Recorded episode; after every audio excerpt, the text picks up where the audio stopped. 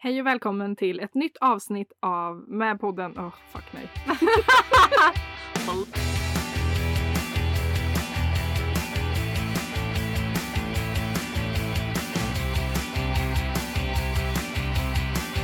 Hej och välkommen till ett nytt poddavsnitt med podden Den sista nerven. Vi tänkte väl att vi kanske skulle plocka upp lite eh, från förra avsnittet när kriget börjar och Serina inte svarar i telefon. Eh, hej Linnea! Hej Selina! Ja, det blev ju, eh, ja, det som skulle vara en kort bakgrundshistoria blev ju 45 minuter av förklaring med, med min bakgrund och hur mina föräldrar haft det bak i tiden och lite rasism och ja, lite smått och gott så helt enkelt. Det var ganska mycket våra åsikter och värdegrund. ja, men precis. Får vi se om vi tappar så halva lyssnarna som egentligen röstar på Jimmy Åkesson som bara det här var nog inte en podd för mig. Nej, det Nej, är det inte. det är det faktiskt inte. Så Vandra vidare. Please leave. Eller så stannar ni kvar och kanske ändrar er uppfattning. Så kan det också vara. Eh, om ni är öppna för förslag, stanna kvar. Är ni inte det, please leave. Ja, snälla, vi vill inte ha er här. Nej. Så nej, Eh, Linnea nämnde ju lite grann då att hon eh, försökte nå mig där i början på avsnittet. Ja. Eh, och jag svarade ju inte i telefon och hon fick ju total panik och tänkte att nej men nu har kriget startat. Serina planerar att antingen ta bilen eller flyget ner till Bosnien för att hämta sin farmor och, och liksom andra personer som är, är nära så. Eh, men så var ju faktiskt inte fallet. Nej. Kriget, kriget har ju inte startat eh, Tack än. och lov. Men eh, det jag också gjorde då var ju faktiskt att jag pratade med min vän Elvira om annan skit och eh, jag tappade totalt eh, tiden. Ja, så det var inte så allvarligt. Nej, det var inte så allvarligt. Men nu känner jag ju ändå att jag hade grund för mina katastroftankar med tanke på allt du berättade i förra. Jag är fortfarande lite tagen och varit lite så golvad för det här har inte vi pratat så mycket om. Så att jag tyckte det var ett, ja, ett jättefint eh, avsnitt. Jag har inte hunnit lyssna igenom det än om jag ska vara ärlig och redigera. Men det, jag ser verkligen fram emot att få lyssna igenom det och verkligen lyssna på det och uppleva det igen. Mm. Eh, men Alltså tack ändå för, ändå för att du delade med dig och för att det här blev två avsnitt istället. Ja men precis, en del ett och en del två. Ja. Men ja, vi behöver ju kanske prata lite mer om dina katastroftankar. För det var ju också lite det syftet med det här, eh, det här avsnitt tre skulle vara i alla fall. Ja, ja de kommer ju att knacka på hos mig ganska så ofta uppenbarligen med tanke på att det räcker med att någon inte svarar i telefon. Eh, ja. Det här har jag ju haft med mig under när mina katastroftankar egentligen tog fart hur länge jag haft med mig dem. Det kan jag faktiskt inte sätta någon, eh, något år på hur gammal jag var. Men jag har nog alltid haft ett eh, konsekvenstänk. Eh, och när jag var liten, jag tycker ju inte om konflikter. Nu har jag börjat lärt mig konflikter. Alltså så här, tack vare mig. Ja. Och min andra kollega. Ja, precis. Eh, som vi kanske ska ha med om vi lyckas övertala henne. Hon tycker inte om att vara med i podd. Eh, men så när jag var liten och jag kom, det här har jag fått återberättat till mig från mina föräldrar. När jag kom till ett nytt ställe och skulle leka så var det första jag sa, vad får man inte göra här då? Och det var inte för att det var så här, jaha, här var det stelt strängt liksom, mm. som, på ett spydigt sätt. Det var så här, vad får jag inte göra här? För jag vill inte ha skäll. Så då frågar jag först, vad får jag inte göra? För då gör inte jag det. Eh, för eh, det värsta jag vet är skäll. Mm. Eh, det tycker jag fortfarande inte är så trevligt. Eh, men jag har hela mitt liv försökt undvika att få skäll. Eh, och jag vet inte om det har med katastroftankar att göra riktigt. Men jag, jag tycker inte om... Jag är så här, det finns en lag av en anledning, följ den. Gör du inte det så blir det en konsekvens. Punkt. Skyll dig själv. Mm. Sen så vet jag i och med vårt jobb och vårt yrke, vår målgrupp, att det inte alltid är så enkelt. Att det finns orsaker till varför, varför man inte alltid följer lagen eh, och så vidare. Och jag har no judgment i det. Men jag har också kallad, blivit kallad paragrafryttare av klienter. Ja, men Linnea, du är som paragrafryttare. jag, bara, jag tar det som en komplimang. Alltså, du och jag är lika förvånade den dagen om jag hamnade i fängelse. För då kommer jag sitta här vad fan gjorde jag nu? Jag som alltid brukar fråga vad jag inte får göra innan ja, jag men, gör något. Ja men lite så. Och jag skulle nog hamna i en sån chock att jag skulle nog behöva ha ett madrasserat rum på psyk i princip om du hamnade på, i fängelse. För då, alltså jag hade ju, jag hade ju dött av skratt i princip. Jag hade ju fått en psykos. Ja, jag bara hej jag är på Hinseberg. Du, du är min number one call. Eller häktningen kanske man bara får ringa en person. Ja men lite så. Vaselina det sket sig. Jag sitter i häktet nu. Eh, de snackar om Hinseberg. Jag vet inte. Nej då har det ju balkat. Då har det ju hänt något. Ja det har det ju verkligen. Eh, det har det väl i och för sig för alla som hamnar på diverse anstalter att det har hänt något. Men i alla fall, mina katastroftankar. Eh, men det också, jag fick ju träffade ju min man när jag var 17. Ja, du! Fan i mig. De började med min man. Den jäveln gav mig katastroftankar. Mhm. Ja. För, och det här, och det här är för... Åh, jag har... Nu kom jag på. Jag har första gången som jag på riktigt led av mina katastroftankar. Jag hade blivit ihop med min man, Fredrik. Han, vi pratade ju förra avsnittet om hans, att han har två äldre bröder. Mm. Och de har bott, bott eh, lite utspritt. De har bott i Göteborg och de har bott i Stockholm. Mm. Eh, och nu den här helgen så skulle han till Göteborg. Och jag var nu, eh, vad kan jag ha varit? 18, 19? 18, 19 någonstans. Jag kommer inte ihåg om jag gick andra eller tredje året på gymnasiet. För jag hade praktik. Och jag läste ju hotell och restaurang. Så jag hade praktik på en eh, restaurang. Mm. Jobbade i köket då. Som praktikant. Eh, och sen så innan jag ska dit, för då jobbar man ju kväll, och kvällspass. Eh, så ska han åka till sin brorsa i Göteborg. Eh, jag lämnar av han, eller jag säger hejdå på busstationen. Eh, I vår hemstad. Och när han kliver på bussen och jag, jag vill liksom inte släppa honom. För jag får den här, om jag släpper nu, då är det sista gången jag kramar på han. Han kommer inte komma hem. Du vet den här magkänslan, man, man har ju en magkänsla, även folk utan katastroftankar. Men min starkaste magkänsla då var, jag kommer aldrig få krama om Fredrik igen. Han kommer inte komma hem. Alltså, Liksom. ja, alltså jag önskar att ni där hemma, eh, alla våra lyssnare, kunde se hur jag ser ut just nu. För att jag har liksom handen över halva ansiktet och bara, åh herregud. Ja, det, det är rolling eyes. Det, är, det är verkligen så här, åh herregud Nu åkte glasögonen av också. Ja. Nu torkas det svett. ja, nej, så han kliver på den här bussen och jag är sån här, det har jag varit sedan jag var liten. Jag måste säga hej då ordentligt. Mm. Jag vill gärna se, alltså man, jag stod i fönstret så att jag såg när jag inte kunde se bilen längre när folk åkte hem från kalaset, släktingar. När jag inte kunde se bilen längre, då kunde jag gå från fönstret. Men jag var tvungen att titta ifall att det var sista gången jag såg dem. Så kollade jag på dem så länge jag bara kunde. Och jag säger noga med att man kan inte bara säga ah, men vi hörs hej och så går man. Jag säger, man måste säga hej då. Vi måste säga hej då ordentligt. Och till vet, så här, familj, släktingar säga, jag älskar dig, kör försiktigt, liksom så. Får man inte ett bra hej då, jag får panik. Vi har ju haft en kompis som var best man på vårt bröllop. Han hade ju en period, jag har ju fått sagt till honom, du får sluta med det här, jag orkar inte. För då säger han så här, nu ska jag dra. Och sen går han.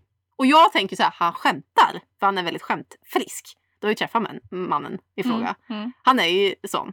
Mm. Och sen så bara, men vart tog Kurre vägen? Och så bara, nej men gick han? Gå ut och kolla, då är bilen borta. Då har han på riktigt åkt och då får jag ju så här, men vad fan! Han kan ju inte bara åka! Nej, och då kommer jag in och så, får jag, och så hamnar jag i någon typ av chock. Han har åkt, de bara, ja han sa att han skulle åka. Jag bara, jag bara, han kan ju inte, han bara, han, han kan inte bara resa sig och gå. Jag, trodde, jag trodde han skämtade. De bara, nej det gjorde han nog inte. Jag bara, nej uppenbarligen inte. Men, så nu har jag, han har gjort det så flera gånger. Och vet du, jag måste kramas och nu är det ju fucking pandemi så nu får jag inte krama på en annan människa. Vet, jag ska kramas, jag ska säga hej då, du vet tack för idag, du vet jag uppskattar dig, vad som helst. Jag har ju fått sagt till honom, så på riktigt du får inte göra så. Jag får panik när du bara drar. Sluta, jag mår så dåligt. Så att okej, okay, det har hängt i lite mer. Men det eskalerade med Fredrik. För då i alla fall, jag ser att han åker, jag står ju då och tittar när bussen åker tills jag inte ser bussen längre. Då kan jag gå från busstationen. Eh, sen åker jag till praktiken och jag mår så dåligt. Eh, och jag vet inte i mitt liv om jag någon gång har haft ångest. För jag tycker att ångest är någonting som slängs så mycket bara. Ja men jag har ångest, jag har ångest, jag får ångest. Eh, men någonting händer i alla fall. Jag åker till min praktik och jag mår så dåligt. Jag kan inte koncentrera mig. Eh, jag gör fel. Jag hör inte vad folk säger i köket. Så de frågar liksom, liksom hur mår du Linnea? Eh, jag bara, ja ah, men nej. Nej men det är bra typ. Och de märkte väl att jag var lite konstig typ. Och sen så rätt vad det är så jag bara, men det här går inte. För då skulle vi ha kvällsservering och då ska jag ju liksom vara med och laga den här maten som ska ut. Eh, och jag bara fick såhär, fuck it, det går inte. Det här går inte. Jag inte så dåligt. Eh, så jag bara, jag mår inget bra, jag måste åka hem. De bara, ah, okej. Okay. Och så gick jag. Jag drog. Och de bara, okej. Okay. Och det sjukaste i den här historien är, när jag kommer tillbaka sen dagen efter till min praktik, då har ju kocken, kockjäveln som man säger i, i, i Ja. ja, kockvärlden. Kockjäveln har ju stått och visat, han har köpt en ny kniv som jag har sagt är jättefin. Alltså så, djupblå eh, blad. Eh, som han då har visat typ samma dag eller dagen före, någonting. Eh, Och när jag kommer tillbaks, då är det bara jag och kockfan i köket. Och du vet, det är tyst, han har på lite Thåström i bakgrunden, inga konstigheter. Sen bara, eh, du Linnea, den där kniven vet som jag visade dig? Ja. Ja, den är borta. Va? Jag hittar inte den. Vet du vart den är? Då tror ju han att jag snodde knivfan. Nej, men När jag då, jag mår inget bra, åker hem. Och när jag åker hem försvinner kniven. Och jag vet inte än idag om han fortfarande tror att jag har den här kniven. Och jag får ju sån panik här, för jag har i paragrafryttaren här har inte snott någon kniv. Men jag var såhär, jag får ju köpa en ny till han. Sen bara, fast då ser det ju ännu mer ut som att jag har snott den för då ger jag ju bara tillbaks kniven. Men jag mådde så dåligt över att han hade blivit av med sin kniv och att han trodde att jag hade snott den fast det är inte jag som har snott den men jag vill ju fortfarande att han ska få tillbaka sin kniv. Och du vet, och så ordbajsar man ju att det kanske var den, det kanske var den och du vet, det kanske är i disken och du vet så här. Den har idag ändå inte kommit fram. Den är borta. Så kan det nog vara. Dålig Eh, timing. Ja men lite så. Samtidigt så om du tar med dig en, en, en dyr, jag vet inte om den var dyr, men en, en fin kniv liksom till jobbet eh, som du kan, jag vet inte om man hade köpt den privat eller till Ja, arbetet. jo, nej men det är privat. De har ju, kockarna har ju liksom egna knivset. Ja, ja men då så. De, de, är, så Okej. här, de rör du inte. Nej, nej men då, The holy grail. ja men då får man väl skylla sig själv om den blir snodd. Jag, Tänker ju- tänker jag mår jag fortfarande dåligt. Jag förstår att du mår dåligt och jag tänker det här med, med, med att du förmodligen aldrig skulle kunna göra någonting. Nej! Du, får ju, du fick ju säkert katastroftankar och liksom förmodligen Ja. dödsångest av det istället. Ja, men det var ju så här, det här med vad får man inte göra här då? Det är väl klart som fan jag inte går, går och snor någons kniv. Det står Nej. ju skyldig i pannan på mig. Jag kan ju heller inte ljuga. Så jag är ju Nej. den sämsta tjuven man kan eh, anställa. Ja men så är det ju. Ja. Det stämmer ju. Så att då måste, det var nog första gången som mina katastroftankar verkligen got me. Ja.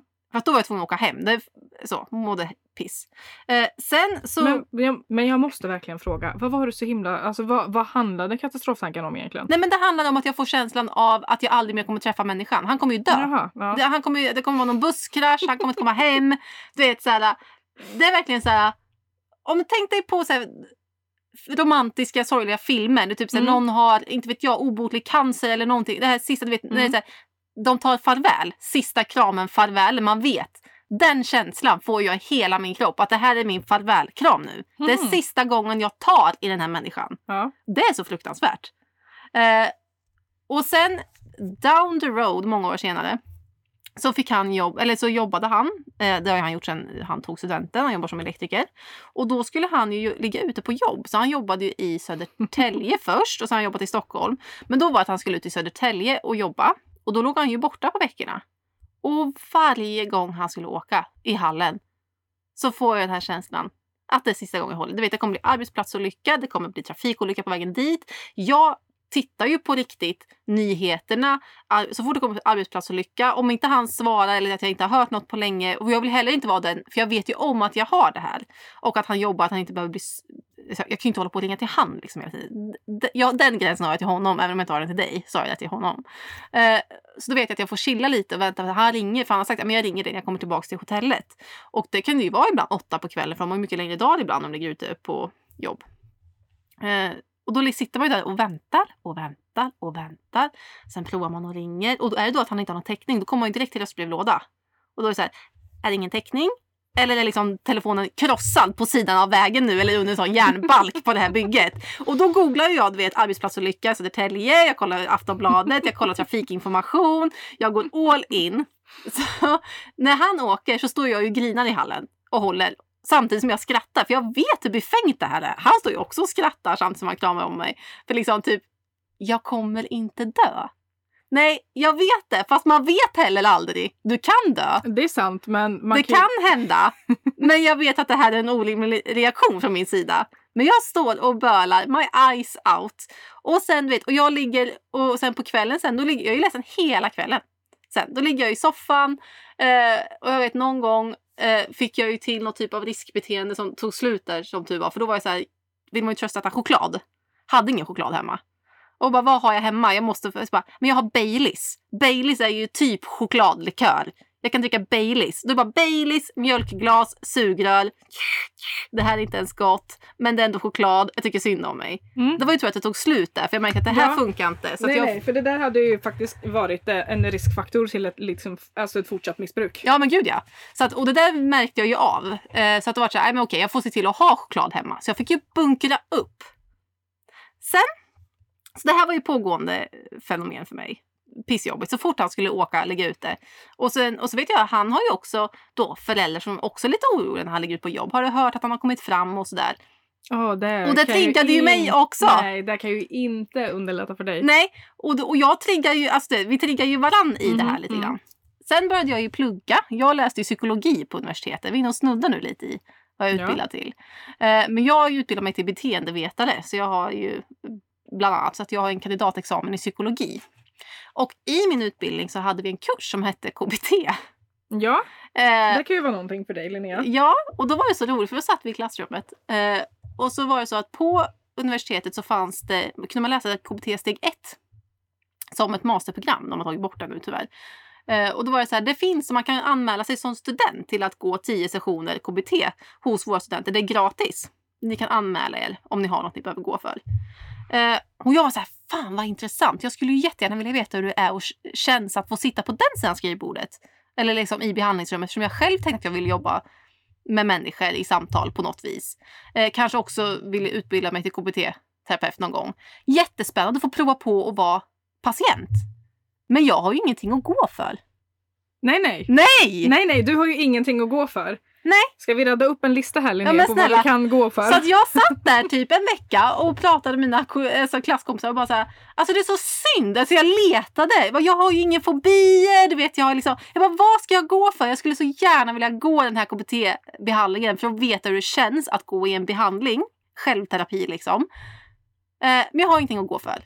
Fan vad synd, vilken jävla opportunity jag missar nu för att jag är så hel som människa. Ja, där kommer ju professor von Widmark in. Ja, och sen så har vi en lektion och så pratade vi om eh, Gud, undrar vad det här var? Var det neuropsykiatri? Det kan inte, kognitiv beteendepsykologi? Nej. Kognitiv psykologi kanske det var. Då pratar man nog om eh, eh, negativ, automatiskt negativa tankar eller scheman. Jag kommer inte riktigt ihåg vad vi pratade om. Vi pratade om någonting.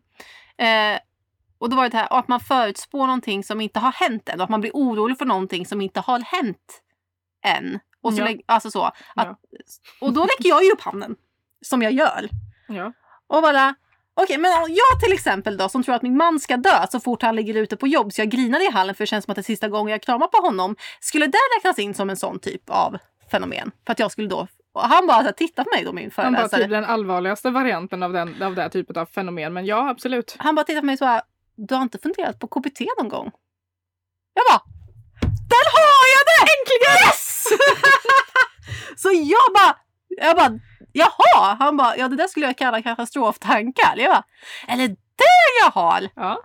Så jag skriver upp mig och blir antagen så att jag får gå KBT för mina mm. katastroftankar. Mm. Mm. Så nu står jag inte längre i hallen och grinar när han ska ut och jobba. Ja men det är väl skönt ändå. Jätteskönt för det är fruktansvärt. Det är så fruktansvärt. Och vet, man, ska, du vet, man ska lita på sin magkänsla. Men vad gör man då när magkänslan är helt off? För att den är, in, den är liksom infekterad min magkänsla när det kommer till hej då och sådär. Mm. Ja men precis. Så att det är så här, annars kan man ju lita på sin magkänsla till viss del. Så här. Men då och så vad ska jag göra? Du, nu säger min magkänsla att du kommer dö så att du får inte åka. Mm. Du, jag får ringa och sjukskriva mig för min sambos magkänsla säger att jag ska dö. Det kan också vara hennes katastroftankar. Men vi vet inte. Så att jag kan nog inte åka nu för att mitt liv hänger på att jag... så. Ja men lite så. Ja, men hur, eh, hur kändes det att gå KBT-samtal? Jag tänker eftersom du ändå utbildar dig till, till ett ja, men, ja, men inom den inriktningen i alla fall. Hur kändes det liksom att gå samtal eftersom du ändå själv idag sitter eh, lite i den positionen själv? Ja men det var ju väldigt spännande. Alltså jag såg det här som en, en kurs, typ. Att jag fick liksom Dels var det en terapi, jag tog den högst på allvar. Jag fick ju hemläxor och gick igenom väldigt mycket och uppenbarligen blivit hjälpt av den. Eh, så, men samtidigt som jag sitter och analyserar vad hon gör, vad hon säger och så vad är det för övningar. Bara, den här övningen ska jag komma ihåg, den här var ju asbra. Den kan man ju kanske köra sen för då hade inte jag börjat jobba än. Men vad här kan jag ta med mig ut i mitt arbetsliv sen? Eh, så jag fotade ju, så att man ju på whiteboardtavlan det är på en gammal telefon så jag har inte kvar de här. Men sen då fotade jag och gjorde de här olika, det finns någon triangel man använder sig av. Med sig. Första tanken, andra tanken, eh, beteenden, automatiska tank, negativa tankar. Mm, TKB, ja, precis. Ja. Eh, och jag bara, så då fotade jag den dels för att komma ihåg mina egna grejer. Och då kom ju Baileysen upp där till exempel. Mm. Min första tanke är att han kommer dö. Min andra tanke är eh, att det kanske inte är en rimlig tanke. Det kan ju också gå bra. Eh, mitt beteende är att jag dricker Baileys. Mm. Och så bara, det är inte så bra beteende. Eh, nu hade, hände det här kanske en gång, men det var ändå så varningsflagg. Eh, så då var det så här, vad kan jag göra? Vad kan jag tänka istället? Vad ska jag göra istället? Så då var det så här, du, då började jag ju planera att jag kanske skulle, när han ska åka hemifrån, han ska iväg på jobb, att jag kanske ser till att jag skulle åka hem till någon annan eller få hem någon till mig så att jag inte var själv. Så Mm. att jag gör någonting. Mm. Alternativt att jag köper hem så, choklad, frukt, Alltså, vad, alltså Mm. gör en egen liten sån mysbricka och Ja, liksom precis. make a night of it. Och att jag då Mm. har det hemma istället än Baileys-flaskan. För det var ju egentligen inte alkoholen jag ville ha, jag ville ju ha chokladen. Mm. Så att det, det, var, och det var ju tur det.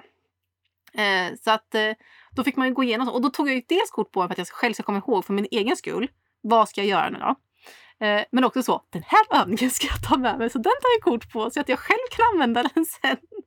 Så att nej men det var väldigt intressant. Eh, och hon var också, nej men hon var väldigt duktig hon. För så här, det här spelades ju också in. Jag vart ju filmad och sådär för att hon skulle Mm, kunna mm. få feedback. Mm. Eh, sen vet inte jag hur, hur det gick för henne. Jag antar att hon tog examen och sådär.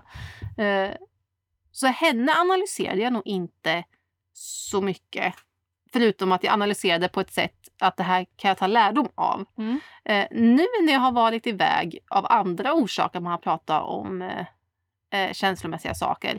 Jag har ju varit gravid två gånger och kämpat till med ett kejsarsnitt en andra gång. Så då får man ju sitta i samtal om förlossningsrädsla och sånt där. Och då, nu när jag har jobbat ett tag, då är jag mer kritisk. Mm. Och bara, jag säger det här som jag tycker är ganska tungt. Och de plockar inte upp det. Nej, Och då sitter jag så här, hade jag suttit med mig som patient då hade jag ställt den här frågan, den här följdfrågan, Mm. jag hade plockat upp det här, Ja. det här jag sett som en risk, det här sett som en så här. Och så här, varför gör de inte det här för? Typ, och då blir det så här, då behandlar jag mig själv istället. Typ. Ja men precis. Och det där blir ju så himla svårt också när man väl arbetar med det som vi faktiskt gör och, och, och har de yrkesrollerna vi har.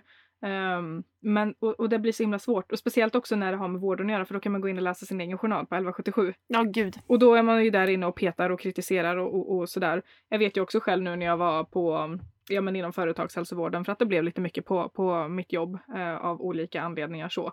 Men det slutar ju upp med att vi hade Ja men alltså typ kolleg- alltså samtal som vi som kollegor sinsemellan. Ja, Där vi så här diskuterar, bara hmm, intressant. Och sen så tänkte jag precis som du att ja, men det här kan jag ta med mig i mitt jobb också. Den här eh, processen hon ritar upp här är ju jättespännande. Liksom. Det här Mm. kan jag ha med mig till det här klientarbetet eller till, till det här arbetet. Ehm, och sen så satt vi och hade liksom så diskussion, diskussion som kollegor. Alltså jag kan ju nog tänka mig för hennes del att jag var en väldigt lätt klient för att jag Mm. visste ju vad jag skulle säga och trycka på för att liksom. ja. Eh, och jag kom med mina egna lösningar egentligen. ja, och de var jättebra. Kör Ja men precis, de bara men kör! Ja. Så att man bara jaha okej. så att det, det blev typ bara tre samtal tror jag, kanske fyra om jag inte minns fel men det blev ganska kort ändå utifrån att det fanns, alltså jag kände väl kanske till slut att det inte fanns någon, någon vits med det heller. Nej. Nej men, det, nej, men det är lite svårt tror jag. Det skulle vara, ja, nu får jag hoppas på att jag inte får behovet av att gå eh, i terapi för att, jag, för att det händer någonting. Mm. Eh, men om man tar bort det hemska i det och att man inte önskar det såklart så skulle det ändå vara intressant att hamna i stolen patient utifrån att vi nu alltid sitter på den sidan. Alltså vi, tar ju, vi har inga patienter för vi jobbar ju kommunalt så att vi har ju noll patienter. Vi har ju klienter hos oss. Men att man är den eh, som de kommer till och också eh, Ja, eftersom att jag sällan möter, eftersom jag själv inte går hos någon och pratar idag, så har jag, vet inte jag heller riktigt, vad vill man ha ut av en man träffar? Alltså så. För att jag har Nej, inte, så här, för de har ju förväntningar på mig när de kommer till Mm. mig. Hur jag ska bete mig, vad jag har för kompetens och allting. Eh, och jag, det är inte alltid jag fyller upp de förväntningarna. Och det är också helt orimligt att jag skulle göra det. Mm. För att alla har olika förväntningar. Jag kan ju bara vara jag i min roll. Mm. Eh, samtidigt som att det skulle vara väldigt intressant om man själv går i vissa eh, utbildningar, om man utbildar dig så ingår, ja men typ psykologer har ju egen terapi, ganska många e- timmar Mm. egen terapi. Precis. Eh, det hade ju inte jag på min utbildning och det hade jag önskat att jag hade. Nu fick jag ju det lite via KBT då, så att det var jättebra, tacksam för. Men eh, det skulle vara väldigt intressant. Nej, Faktiskt. Jag tror man lär det- sig mycket ja, av det. Nej, jag tror också att jag skulle, nu visserligen så finns det ju otaliga saker jag skulle kunna gå och söka hjälp för. ja. ja, jag har Om ju tipsat dig om KBT x antal gånger för Ja, ja, diverse. men precis. Eh, Jag har varit föreläsare nu. Du har aldrig funderat på KBT? Nej men lite så. Det finns, eh, det finns många situationer som jag absolut kan eh, få KBT-hjälp för. Det, jag vet ju att jag fått det tidigare, dels med OCD och ätstörningar och allt det där. Men ja, det skulle vara intressant och, och, och jag vet ju att mitt OCD har kickat igång lite så att det kanske inte var så lyckat sist men eh, eller kickat igång lite, det är ganska mycket om man säger så. Men eh, nej, det skulle vara väldigt intressant att gå idag faktiskt och se lite grann hur det, hur det skulle vara och hur det Mm. skulle påverka mig och vilka förväntningar jag faktiskt skulle vilja ha på, ehm, på den personen jag då skulle möta. För att jag har ju ingen, alltså även om man absolut är någorlunda i, i branschen och jobbar med människor på så sätt, men jag är ju inte på den sidan av branschen. Jag är ju inte inom vården. Jag är ju liksom Nej. inte inne. Där finns det ju så himla mycket mer än vad det Mm. finns på vår sida inom kommunen så. Men eh, nej, det skulle vara väldigt intressant att se faktiskt. Ja, och jag sa ju det när jag, hade, när jag gick min eh, KBT-behandling. Jag tycker, alltså jag hade en ganska lindrig åkomma att gå för ändå. Lindrig åkomma. Ja, men- Absolut. Du, stod i, du stod i hallen och grät Linnea. Ja, men det finns ju folk som har det värre, det klassiska uttrycket. Ja, Ja. men jag har inte så mycket, vad ska jag säga, jag har inte så mycket, det här är ju inte orsakat av att jag har varit utsatt för någonting. Jag har liksom inte, jag har ju inte varit med om en händelse som ger grund till varför jag ska, jag har ju inte förlorat, innan det här så hade inte jag förlorat någon människa i typ att, nej men jag sa inte hej då ordentligt, den körde ihjäl sig på vägen. Så nu tänker jag att alla gör det om inte jag säger hej då ordentligt. Alltså det finns ju ingen Mm. backstory. Det här är bara någonting som har kommit ändå. mm. Eh, så att på det typ, viset Typ eller inte. så att på det viset så är det ju liksom en lätt åkomma även om det påverkade mig såklart mycket i mitt liv. Ja men så är det ju. Men då när jag gick KBT i alla fall, alltså sen jag gick den, från att jag påbörjade den tills, ja, men till idag så säger jag så här, alla borde gå i terapi. Nu låter jag som så här influencer. Jag har så psykolog, alla borde ha en psykolog. Men du lär dig så himla mycket av dig själv. Även om du har haft ett privilegierat liv, du har, liksom, du har inte hänt någonting, du har haft flyt. Jag har ju haft ganska mycket bananskal liksom, i livet. Jag har växt upp i medelklassfamilj, det har liksom inte varit några konstigheter. Eh, så att, men man lär sig så mycket av sig själv, man, får, man fattar varför gör jag som jag gör och ingen av oss är ju perfekt. Och man behöver heller inte vara perfekt. Men jag är medveten om varför jag inte i alla stunder är perfekt. Jag ser mina begränsningar. Ibland kan jag Precis. utmana mina begränsningar. Och det är otroligt skönt att få säga saker till någon som doesn't give a fucking fuck. För de är inte känslomässigt involverade. Nej, jag kan precis. häva ut mig vad som helst till en terapeut. För att det är en, det terapeut. De har hört allting förut. Går du till en psykolog? Nej men snälla, de har hört Mm. allt. Går du till mig i min profession? Nej men snälla, jag har hört allt. Det finns ingenting du kan säga till Ja. mig som gör att jag då så här, ramlar av stolen och bara nej, gud, har du gjort det? Nej, det Och det där säger tycker jag du. är så himla Alltså så. kul. För det fick jag höra senast här om veckan bara. ah, men du måste tro att jag är jätteknäpp. Och man bara nej, alltså det här är ganska lindrigt till vad jag har hört. Så att nej, Ja, jag tycker inte att du är knäpp. Och det folk säger till mig tycker jag inte är knäppt heller. nej, det för finns att det- en jag- anledning. Nej men precis, jag kan inte på något sätt förminska deras upplevelse av det. Så att jag kan ju inte Nej. tycka att det är knäppt. Men nej, det är precis som du säger. Det är ungefär som när man... Ett, ett, ett jätteklassiskt exempel är ju det här med att gå till gynekologen. Ja. Att man blir så himla stressad innan. Åh, vad kommer de tycka om min vagina? Tänk om den ser konstig ut? Man bara, snälla någon, de har sett allt. ja, De har sett allt. De ser typ sju snipper per dag liksom. Mm. Inte vet jag hur många snipper de träffar på varje dag. Men alltså man blir så här, de har sett allt. ja. De har varit med om allt. Det finns ingenting som är konstigt eller onaturligt eller... Men det, ja. Nej, det, och det, blir som befrielse också på något vis. För jag är också, känner jag, om man pratar kompetens så tycker jag också att man har en personlig kompetens. Jag har ju ökat min kompetens om mig själv. Mm. Så nu, när, utifrån att jag har gått nu KBT, så är jag ju med. Jag har ju varningssignaler för mig när jag känner att mina katastroftankar är på G. Mm. Och då kan jag liksom stoppa dem och bara nej, jag ska inte gå in i de tankemönstren för då är jag fast i kaninhålet och det blir liksom inte bra. Och vet, om jag, ibland har jag ju fått så här äh, när Fredrik inte har svarat eller någonting, även nu när jag har hållit ute, att jag tar upp telefonen och ska börja fiska trafikinformation eller trafikolyckor. Men då kan jag liksom bara nej, lägg ner telefonen. Det är ingenting. Slut. Sen så ibland så tänker jag på det ändå, typ fan tänk om jag, så här, hur länge får det gå innan jag provar igen?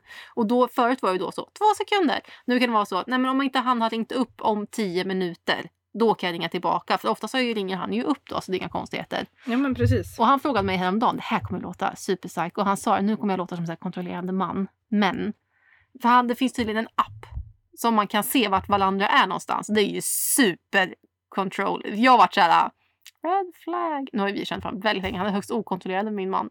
Eh, tack och lov. Men det var han sa, för du blir ibland orolig vart jag är. För vi åker ju ofta och handlar på kvällen in. Vi har, eftersom vi bor på landet så är det en bit in. Och eftersom vi har småbarn så åker han in och handlar efter nattning då. Så 8-9 på kvällen mm. ibland. Eh, och vi har ganska mycket djur på vår väg. Det finns inga gatlampor. Och så då kan Nej, jag bli så här, inga djurstängsel, inga liksom, Nej men liksom ingenting. Så då, det är ganska mycket vilt och lycka på vår väg. Ja det är det. To be fair. Yes. Och då kan jag ibland säga, gud, då säger jag så här, men nu är jag på väg hem så att vi liksom har koll på vart vi är någonstans. Så om det skulle dra ut på tiden så är det också väldigt skönt att det är någon som liksom saknar en. Så. Eh, så då sa han, jag tänkte utifrån det så kunde vi ha den så behöver vi, behöver du inte bli orolig, jag behöver inte bli orolig. För jag är också, han har ju anledning till att få katastroftankar på grund av mig istället. För då flyttade vi hit eh, och eh, då skulle jag bara åka hem till lägenheten i en annan stad som är typ en halvtimme bort på en sån här liten krånglig väg. Och hämta typ kattlådan, vi hade glömt kattlådan till våran katt. Eh, så jag åker iväg, hämtar den och kommer på att men jag ändå är här nu så river jag med alla mina skor. Jag är ju skofanatiker. Så jag liksom släpade med och packade ner. Så det här tog ju jättelång tid mot ja, vad han hade förväntat sig. Ja. Och klockan var typ 12-1 på natten när jag fick ett infall. För jag hade flyttat hela dagen. Jag bara, nej men jag åker hem, vi måste ju ha kapplådan. Nej men jag åker. Det här var innan barn. Och jag har telefon på ljudlös. Det har jag ganska ofta. Ja. Så han ringer till mig och jag svarar inte. Han ringer så typ, jag hade 11-12 missade de, samtal. De där katastroftankarna förstår jag ju liksom. Varpå jag till slut möter honom. Det som ett jävla bi.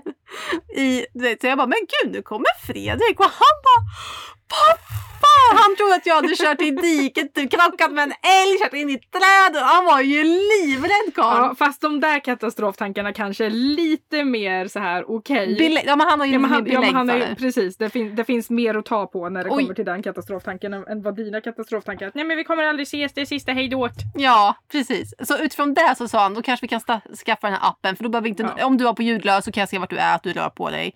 Eh, du behöver inte ha panik liksom, att jag, när jag åker på väg hem. Men vi skaffade inte den appen. Han bara, du verkar inte vara så pepp. Jag bara, nej. Så funderade jag på det några dagar. Han bara, vad tyckte du om appen då? Eller tycker du att det känns liksom creepy? Jag bara, nej, men jag tror att det där kan trigga mina katastroftankar. För då går jag in och kollar appen. Och då, så här, mm. då när du är på jobbet, då kan jag gå in och kolla, ah, vart är han på jobbet nu? Eller är han där nu? Eller, eh, och då så jag, jag vet inte om det här kan vara en trigger för att de ska blomma upp igen. Mm. Eh, och då sa han, aj fan, då ska vi inte ha den. Eh, och så, ja, men man kan ju alltid ta bort den om det skulle vara så. Ja.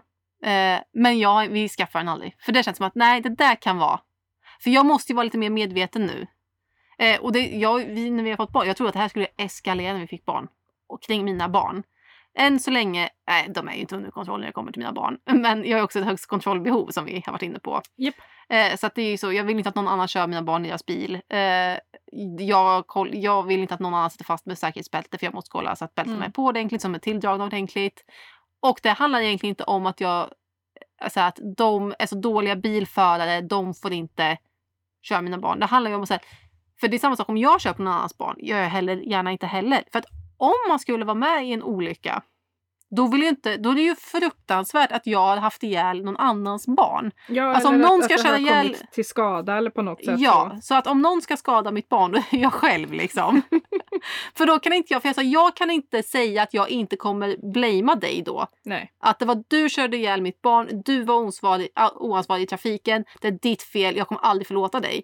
Fast det kanske var en ren och skär olycka som kunde ha hänt vem som helst. Mm. Jag vet inte om jag kommer kunna vara i sinnes fulla bruk att kunna göra den. Nej. Liksom då. Nej men så är det ju. Så därför så vill inte jag att farmor och farfar, mormor och morfar, vem det nu kan vara, på mina barn. För jag vet inte om jag kommer kunna hantera om det händer något. För, och också vill inte lägga skulden på dem.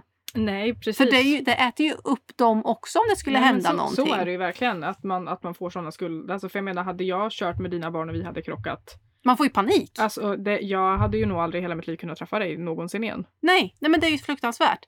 Eh, så, att där, så där har jag ju, jag vet inte om det är, det går väl lite hand i hand med mina katastroftankar och mitt kontrollbehov.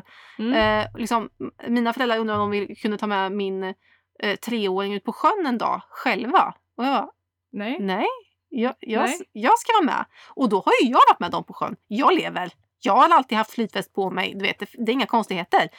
Men jag får ju panik av bara tanken. Nej, Och det de pratar om, vi kanske kan låna avkomma ett någon vecka på semestern. Ursäkta, vad, va?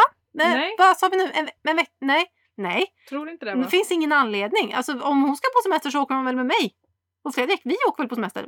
Du vet, jag får sån panik. Och det är inte så att jag tänker så här, det är väl skithärligt för henne. Men jag blir så här, hon är bara tre. Alltså, hon kanske gör det när hon är nio. Alltså det är den långt fram. Hon är nio år kanske när hon åker på semester själv någon stund med mormor och morfar, farmor och farfar. När hon själv kan säga jag skulle vilja, du vet, och är med och du vet, kan ringa hem om det är någonting och sådär. Så att, och det går väl också lite hand i hand. Så jag tror att min utmaning kommer bli när mina barn växer upp sen.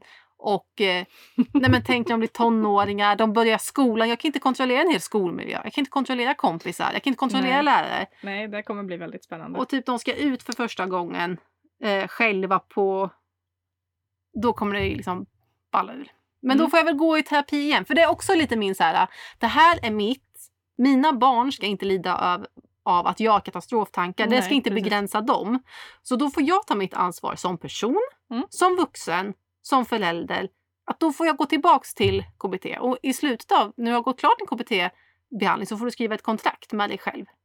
Eh, att, eh, hur man ska göra i framtiden. Alltså vad man har för mål och lite Mm, sådär. Ja. Och då har jag med i mitt kontrakt att om, jag får, om det här kommer tillbaka liksom igen så har jag med i mitt kontrakt att då ska jag söka hjälp. Mm. För att det här ska inte få begränsa mitt liv och det ska inte få begränsa mina barns liv. Då hade Nej. jag inga barn men liksom, om jag någon gång får barn så ska det Nej. här inte påverka dem. Nej. Och de ska inte ärva mina katastroftankar för att Mm. jag liksom trycker på dem.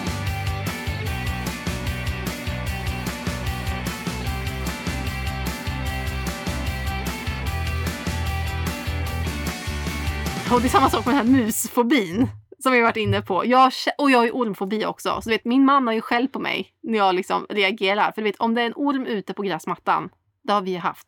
Jag skriker, jag får ju panik. Och då, förstår, då står jag där, och mitt avkomma är med, och då står jag där och bara Åh nej! Få inte panik, få inte panik, få, hon får inte det, är en märka någonting. Det är en liten orm här. kom nu avkomma så går vi! typ, och så försöker jag liksom distrahera typ. Nu heter inte mina barn avkomma 1 och 2 men i podden så får de heta avkomma 1 och 2. Och då ibland jag inte hinner vara med i tanken. Jag vet, hoppar högt, sli- jag har ju Nej men jag har ju dragit avkomma 1 en gång för då var det till mitt försvar en huggorm. Som rasslade till jättenära oss i gräset så jag drog henne över brännässlor. Och jag såg, jag bara vände på mig, drog med henne och bara kom! Akta dig typ orm! Och så så hon ramlar. Och så är det som en liten plätt där som det är lite så här. Hon brände sig dock inte, tack och lov. Men det var så här, men gud vad gör jag? Men du vet, det går så fort, jag nej, får men just panik. där och då så var liksom paniken... Ja, men det var hellre brännässla än en huggorm och ungen dör. så, att, så då står ju min man och bara, men för fan Linnea, du får inte skrämma ungarna. Du vet, man bara, förlåt, förlåt, men det var huggorm, den var jättenära. och bara, så, nej men det där, förlåt, det var tokig mamma är, du vet, det var mamma vart rädd. Jag trodde att det var något annat. och så får man Ja. försöka, du vet, blomma över lite. Eh, nej, så det var väl eh, fortsättningen på mina katastroftankar. Ja, precis. Sök Eh, hjälp hörni. Ja, och eh, Gå i det, terapi. det vi har lärt oss i, i det här poddavsnittet idag är ju då att Linnea har ju definitivt katastroftankar när jag inte svarar i telefon i alla fall. Ja, de är ju kvar. De är, jag, de är inte helt borta, men jag får inte, jag gråter inte. Nej, det är väl ganska gött det. Och för jag då hade tänkte jag att du aldrig svarat i telefon. Nej, och jag tänker att du inte är död. Nej, Det är så här, nu har Selina dött, den var det ju inte. nej, Och du, du får, dig får jag ju typ inte krama på för du hatar ju fysisk kontakt. ja. Så att, det, på det, det är ju bra för mig för då kan jag aldrig känna är sista kramen för jag får aldrig ta någon kram. Nej men precis, och det, man så börjar inte ens. Men ehm, nej, det, det kommer bli oerhört spännande när jag åker till Derby och ska på Download-festivalen med Men- min kompis. Nej men det här, är- jag har sån förne- förnekelse kring det här. Ja, du hoppas på att corona inte ska fucka det här. Det enda jag gör är att be till mina ateistiska gudar att corona ska bara BAM! Samma Corona vecka. kommer inte fucka det här för England har lite lättare restriktioner. Eh, jag har Åh, redan Gud. haft corona och kommer ha då tre vaccin på det också. Så att jag känner att nej, corona kommer inte stoppa den här resan. När var den här, sa vi? Den var i början på juni. Mm, det är så snart. Ja, det är ungefär fem månader kvar. Jag kanske Så att- får skicka en egen remiss till vårdcentral. Det kan nog lika gärna vara bra att du gör det för att jag kommer Ja. åka på den här festivalen och jag kommer stänga av telefonen. Ska du stänga av telefonen? Men jag har ju sagt det. Nej men nej. Jo. Varför ska du stänga av telefonen? Jag tror själv. Var, varför, varför ska du stänga av Jag telefonen? varför ska jag ha med mig telefonen på festivalen? Nej, men ifall det händer någonting. Va? Nej men snälla människa. Nej, men nu får jag sån panik. Det är klart du inte kan stänga av telefonen. Man bara ser dina så här stressfläckar börja komma på halsen. Ja! Nej men på, Jag kommer att stänga av telefonen. vart ska du Linnea. ha den? Ja, men på hotellrummet. Ja men då slår du ju på den när du kommer hem på kvällen. För man kommer hem på kvällen får en festival åtta på kvällen. Det vill jag skicka med dig. Att det är ingen sån nattrave här nu. Va? Nej. Nej, jag tänker att jag så här, tar mig till festivalområdet typ så här, klockan ett, två beroende på om det finns några bra band som spelar då. Jag vet inte riktigt eftersom vi inte har fått eh, hela schemat så. Sen är jag nog inte hemma förrän klockan fem på morgonen. Nej men då slår du ju väl på telefonen då. Då. Ja, men då ligger du och sover. Varför ska Nej men jag... då kan du få så, hej jag lever. Och så kan jag, du vet när jag vaknar, livstecken, good. Det beror på om jag kommer ihåg. Och jag tror att de har så andra eluttag så det kommer ihåg, eh, beror ju på om jag kommer komma ihåg att köpa en sån här adapter. Nej men jag får väl köpa en åt dig innan du åker då. Men vad Jag fan. får en liten present. Jag får en present. Please contact me! Jag vill ha livstecken! Det är inte att kräva så mycket. Din man kommer väl också vilja ha livstecken? Jag tänker att eh, Christian, som min, som min man heter, han kommer nog... Eh, han, han är redan van. Att, han, att mitt batteri antingen är dött eller att jag inte svarar eller att jag inte... Okej. Ja. Jag får så andas i mångkant. Jag fick tips av min kompis som är civilingenjör. Att hon bara, jag pratade om att andas i fyrkant. Hon bara, du Nea, om du vill så kan du andas i mångkant. Den kan ha hur många kanter som helst. Ja, Så att jag får väl andas i så mångkant. ja, det får du nog göra. Men eh, ja, summa, summa kardemumma av det här avsnittet då så har ju Linnea fortfarande ganska mycket katastroftankar. Mm. Und bättre kontroll. Hanterbara skulle jag säga. Ja, De är där men de är hanterbara. vi får ju liksom hoppas på att inte jag behöver åka ner till Bosnien för att hämta min farmor. Då kommer du Mm. verkligen avlida. Ja. Jag skulle säga då följer jag med men jag får ju också så panik av att flyga. Ja, det får du. så att jag kan heller inte följa med. Jag bara så... så det, ja, det är lite så moment 22. Ja, det blir ju det. Ja, men hörni, sök hjälp, gå i terapi. Eh, it's amazing. Det är det faktiskt. Eh, ha inte ihjäl varandra, kör försiktigt. Ha era telefonjävlar på Och laddade. och laddade. Och jag ska då ha på min på ljud. Ja, Kasta sten i glashus. ja men precis. Ja, men Ja. det kanske kan vara en idé. Men eh, tack för det här avsnittet. Välkomna till den sista nerven. Vi hörs nästa vecka. Vi hörs! Bye!